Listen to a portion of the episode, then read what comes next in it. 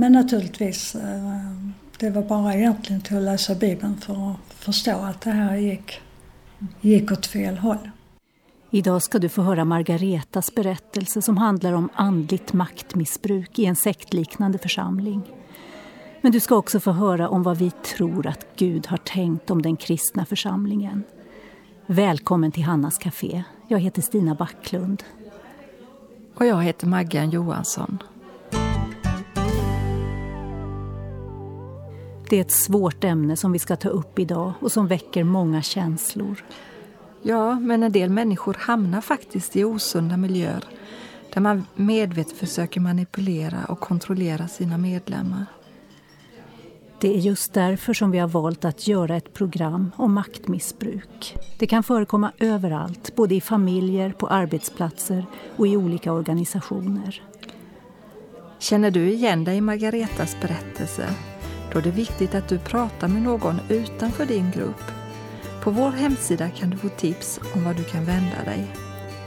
Innan vi släpper fram Margareta lyssnar vi till Claes Wårdstedt som sjunger Göm mig i dina vingar. Som hjorten till vatten så längtar jag till dig. Jag törstar efter Gud, efter levande Gud. Förbarma dig Gud, jag flyr till dig. Låt ditt ansikte lysa över mig varje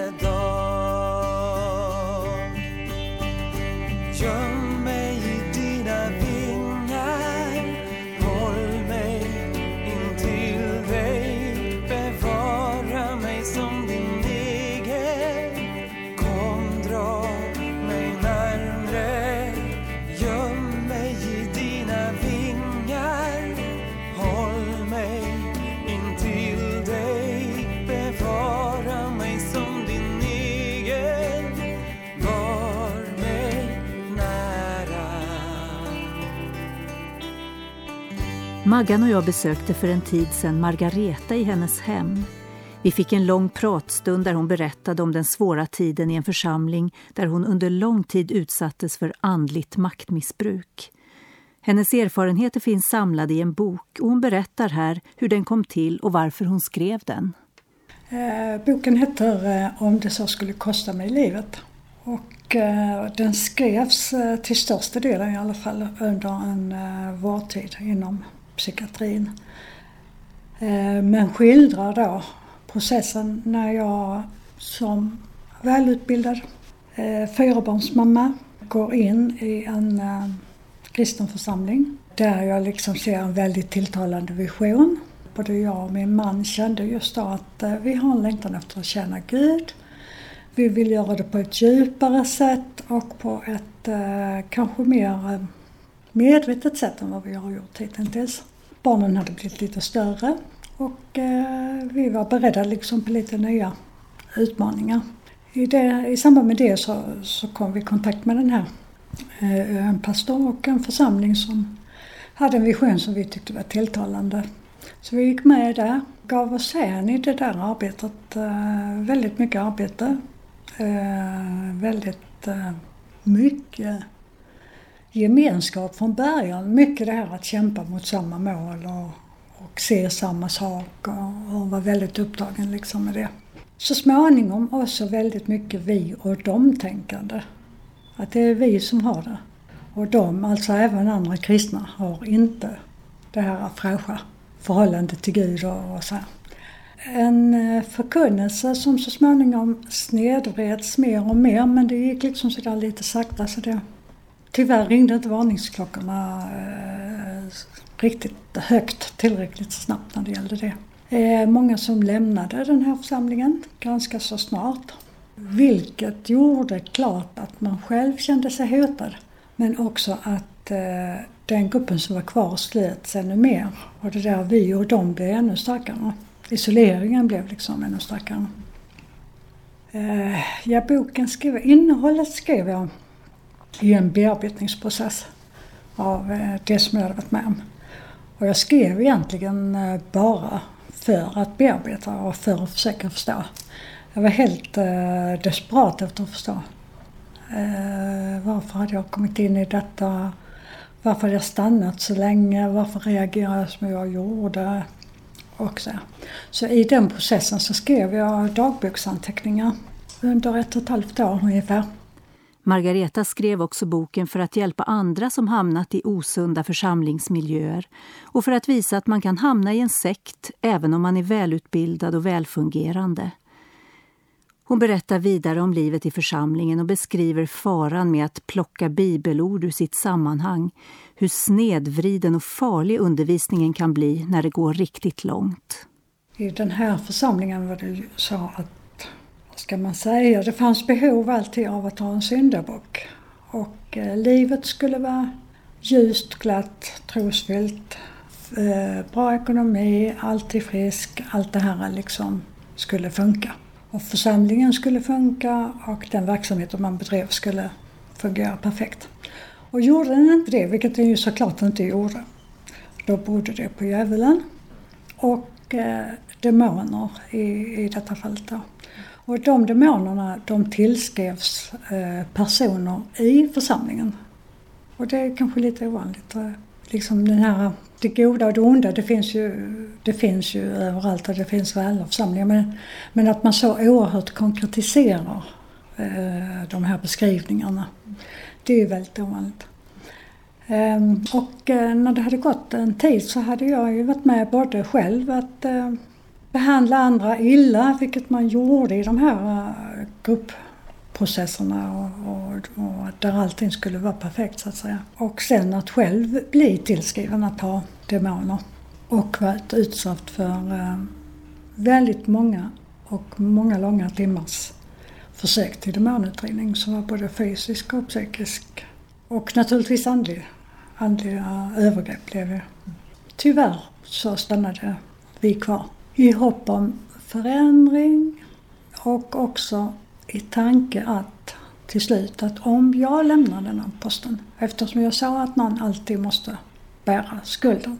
Om jag lämnar, vem blir det då som kommer till att få skulden för allt som inte är perfekt? Hade man andra åsikter eller man var tveksam, då, då var det uppror, religiösa demoner eller annat som var förklaringen på det.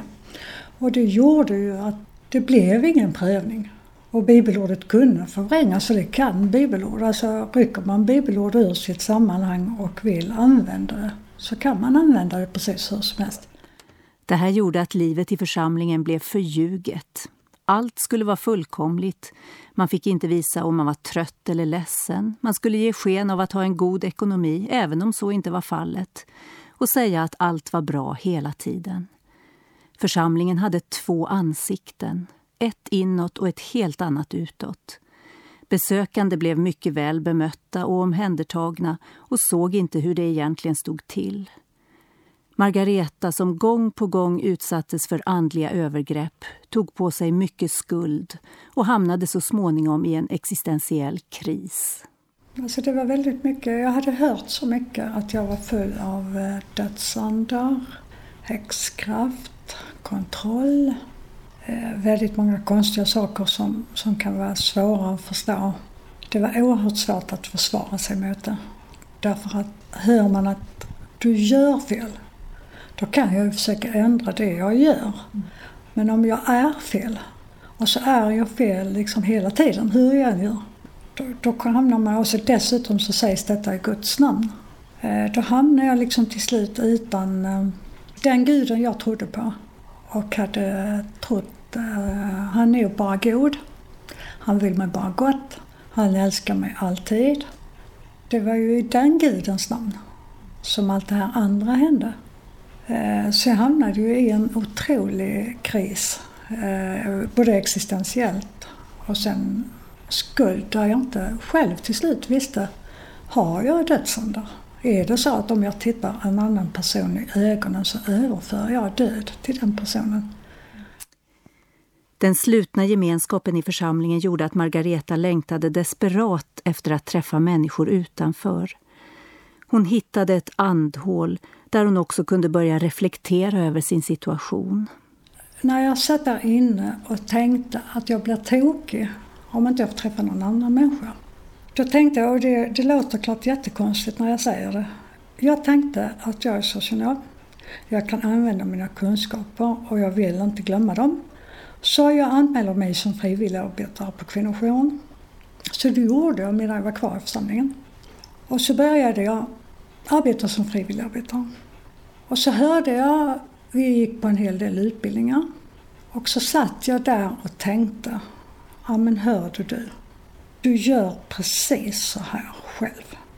Fast inte i förhållande till en man, utan i förhållande till en hel grupp. Och sen satt jag och pratade med en 20-årig tjej som eh, var förföljd av sin släkt i kvinnojourens eh, lokal tillsammans med socialsekreteraren och säger till henne att din enda chans är att lämna hela ditt sammanhang och flytta. Om du ska komma ifrån det här. Och när jag sitter där och säger det till henne så känner jag att det är precis vad jag inte själv vågar. Men som jag vill att en 20-åring ska göra. Så långsamt tror jag att på det sättet så hjälpte mig väl det där engagemanget i kvinnojouren för jag fick ju ett lite jag fick den eh, distansen till det jag levde i 24 timmar om dygnet som jag kanske behövde för att, för att våga liksom pröva det. Men, men alltså tanken medberoende och missbruk och allt det här det är ju någonting som, som jag har sett när jag har bearbetat situationen. I mitt fall så slutade detta med allvarliga självmordsförsök utan att jag ännu hade lyckats lämna sammanhanget. I, I samband med det så hamnade jag ju i psykiatrisk vård. Och eh, efter en tid där inne, det var inte så att eh, det var någon som tvingade mig där inne, men efter en tid där inne att ha fått perspektiv på det här och ha fått mött en annan människosyn och möta människor som säger att men du har inga demoner. Mm. Så, så lämnade jag då formellt det här sammanhanget. En församling behöver goda ledare, ledare med visioner. Men en ledarposition innebär alltid ett mått av makt och den makten kan missbrukas. En ledare som är stark är ju ofta en karismatisk person. Och det ska man inte förakta. Eh, men finns det i personen och i omgivningen möjlighet att missbruka den makten som man har som ledare och de orden man har som ledare. För alla ledare leder ju med ord. Och, och det måste man göra. Man måste leda med visioner, man måste leda med inriktningar. Men naturligtvis allting som går att bruka, det går ju också att missbruka. Och det är, det är ju likadant med Guds ord och församlingens hela uppbyggnad. Jag frågar Margareta vad som är viktigt att tänka på i en församling och vad det finns för varningsklockor om det börjar gå snett. Man ska kunna prata, ifrågasätta och eh, det ska finnas en ödmjuk hållning. Om inte det finns så är det risk, stor risk att det, att det blir tokigt. Ett starkt vi och dom-tänkande tror jag man ska passa sig för. Eh, och eh, isolering av den inre gruppen. För de flesta som hamnar i någonting som man generellt kanske säger sekt, de är inte isolerade från samhället utåt sett utan man är på gatorna och man försöker nå ut så att säga. Men det finns ändå en isolering inuti gruppen. Den ska man också passa sig för noga. Och eh, i ett kristet sammanhang också att ha en, att förankrat, ha en förankrad bibelundervisning och vara själv förankrad i det. Och har man frågor, att kunna gå någon helt annanstans och ställa sina frågor. Och om det inte är tillåtet, då ska man också akta sig. Under tiden på sjukhuset mötte Margareta en läkare som tog hennes kristna tro på allvar. Som hjälpte henne att se att det var sammanhanget hon varit i som var sjukt. Det fanns en läkare som var väldigt rak mot mig direkt och sa att just det här sammanhanget är en sekt. Den måste du ut ur. Men sen Eh, var personalen väldigt noga med att säga att du behöver inte lämna din tro. Även om du lämnar just det här sammanhanget. När jag då höll på och resonera liksom med mig själv och med dem om saker. Eh, jag upplevde faktiskt inte att eh, det var, min, min tro blev aldrig sjukförklarad. Och jag blev själv egentligen inte heller sjukförklarad. Utan eh, det var min livssituation i det sammanhanget jag befann mig i som var fullständigt kaotisk och det reagerade jag på. Och det var ju inte osunt i sig att jag reagerade på det. Ja, Margareta hade trots allt sin tro kvar. Men den var mycket skör och den första tiden efter att hon lämnat sitt osunda sammanhang ville hon först inte prata med andra kristna heller. Det ville jag ju inte egentligen. Alltså jag var ju väldigt rädd för att prata med någon kristen. Men jag insåg ju till slut att eh, det finns saker här som jag... Jag kan inte berätta det. För någon, jag kan berätta det för någon annan men jag kan inte få svar på mina frågor så att säga av någon som... Av psykiatrin. Och då, då fick jag möjlighet att eh, med hjälp av psykiatrin prata med en pastor som dessutom jobbade på fängelse och behandlingshem så att han var lite van vid den här typen av frågeställningar. Och jag blev bemött på ett helt annat sätt än vad jag var i församlingen. Men jag blev också bemött utan de här väldigt snabba, enkla lösningarna som jag har hört eh, och så kan, som också kan komma från kristna. Det är bara att glömma och gå vidare. Det är bara att förlåta och gå vidare. Och så, för det är inte så efter väldigt många år i en sån här situation. Och när jag sa till den där pastorn att jag kan inte be just nu, eller jag kan inte läsa Bibeln, så nej, han tyckte inte det var så konstigt. Och, och han ville inte ha något ut av mig tillbaka. Och det var så väldigt viktigt för mig. Hade han velat det så hade jag inte klarat mer. Alltså om han direkt hade velat att eh, nu måste vi be tillsammans eller eh, nu ska du bara förlåta och sen gå vidare och sen pratar vi inte mer om detta. Eller eh, kan inte du komma in i min församling istället? Om jag hade känt alla de sakerna, då hade jag inte vågat mer. Men, men det var väldigt anspråkslöst från hans sida. Och därför gav det god hjälp. Och, och var ju en viktig del av att jag också sen vågade ta kontakt med andra kristna. Innan Margareta avslutar sin berättelse så ska vi lyssna till ett spår från Ola Hedéns CD Salm.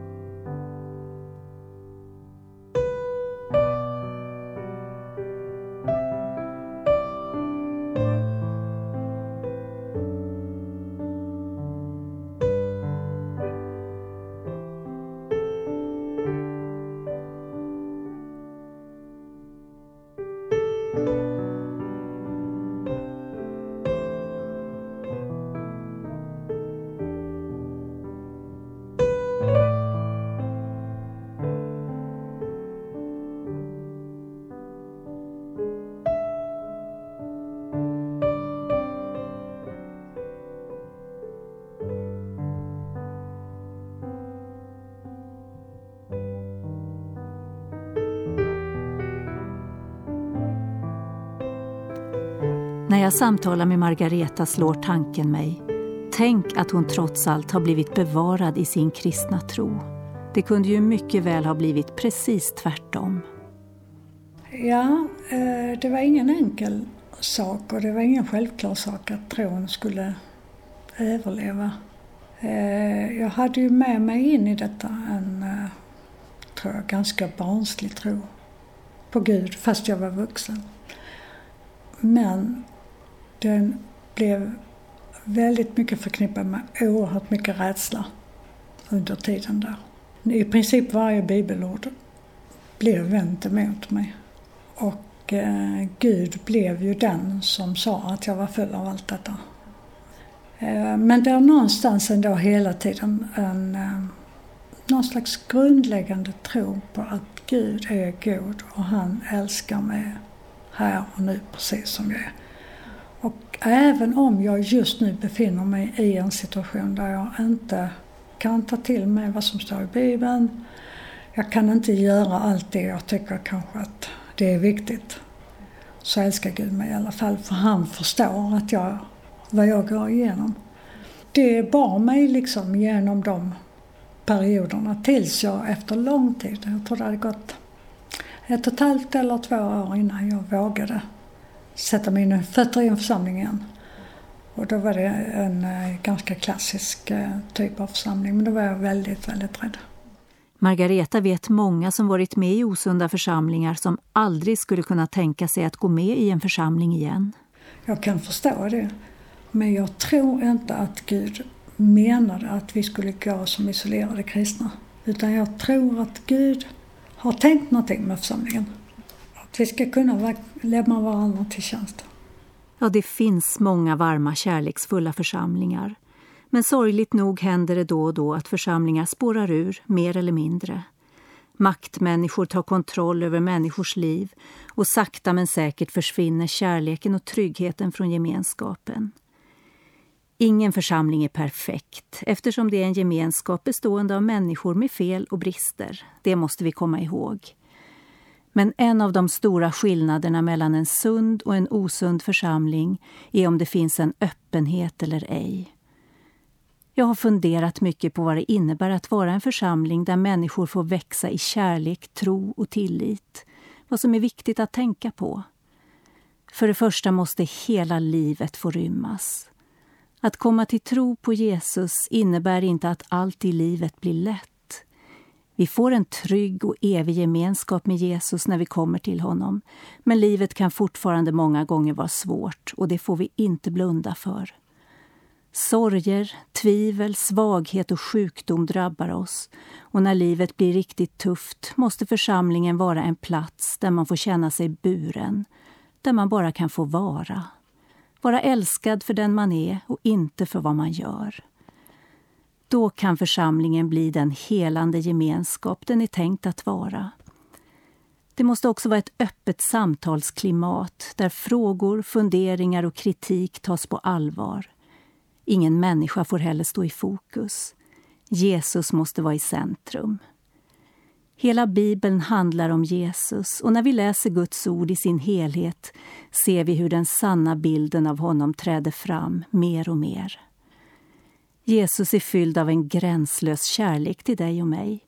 Han vill slå följe med oss genom livet och han känner med oss i vår svaghet.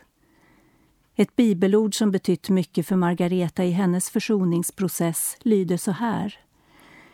Ty vi har inte en överste präst som ej kan ha medlidande med våra svagheter utan en som blev frestad i allt, liksom vi, men utan synd. Sådan är Jesus. Han vet vad det innebär att vara människa och han är med oss också i de djupaste dalarna. Om vi håller oss nära honom, både enskilt och tillsammans, då kan en varm och livgivande församlingsgemenskap växa fram. Jesus, jag ber för alla som blivit illa behandlade i kristna sammanhang.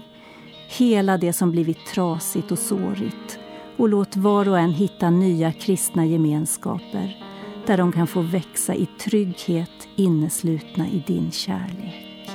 Stor är din trofasthet, min Gud och Fader.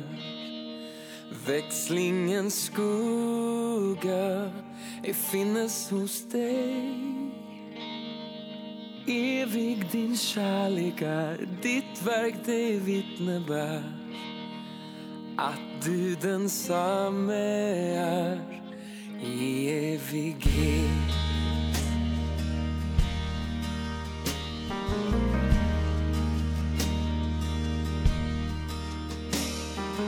Våren och sommaren, hösten och vintern Solen och stjärnor på himmelblå allt vad du skapat har. Del ut i lovet tar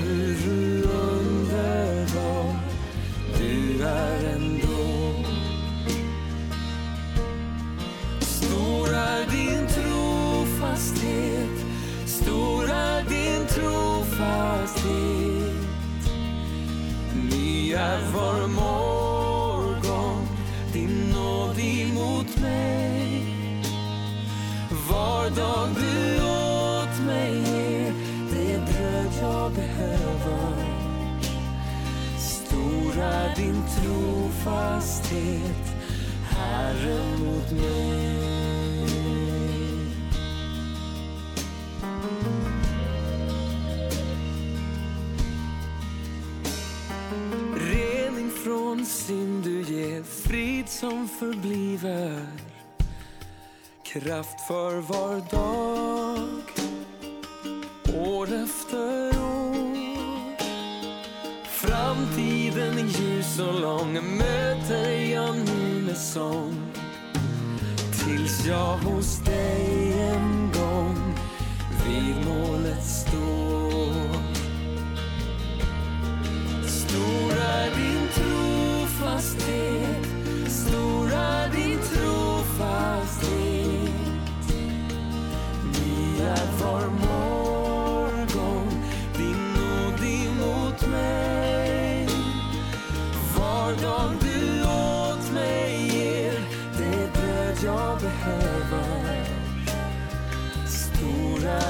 trofasthet, Herre mot mig.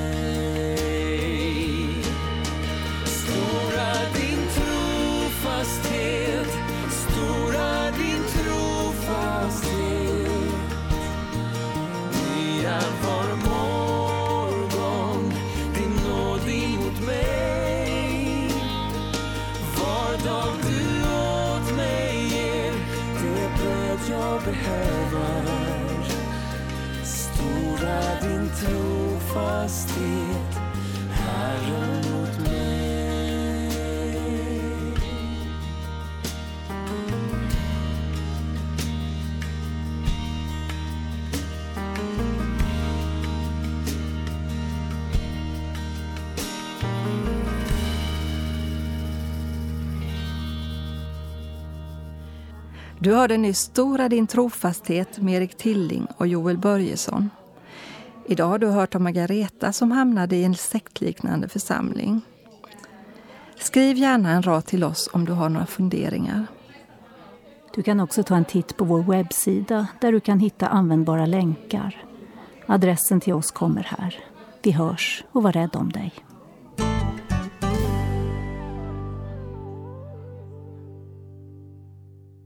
Hannas Café är producerat av Stina Backlund och Maggan Johansson för Norea Radio Sverige med adress Östergatan 20 262 31 i Ängelholm.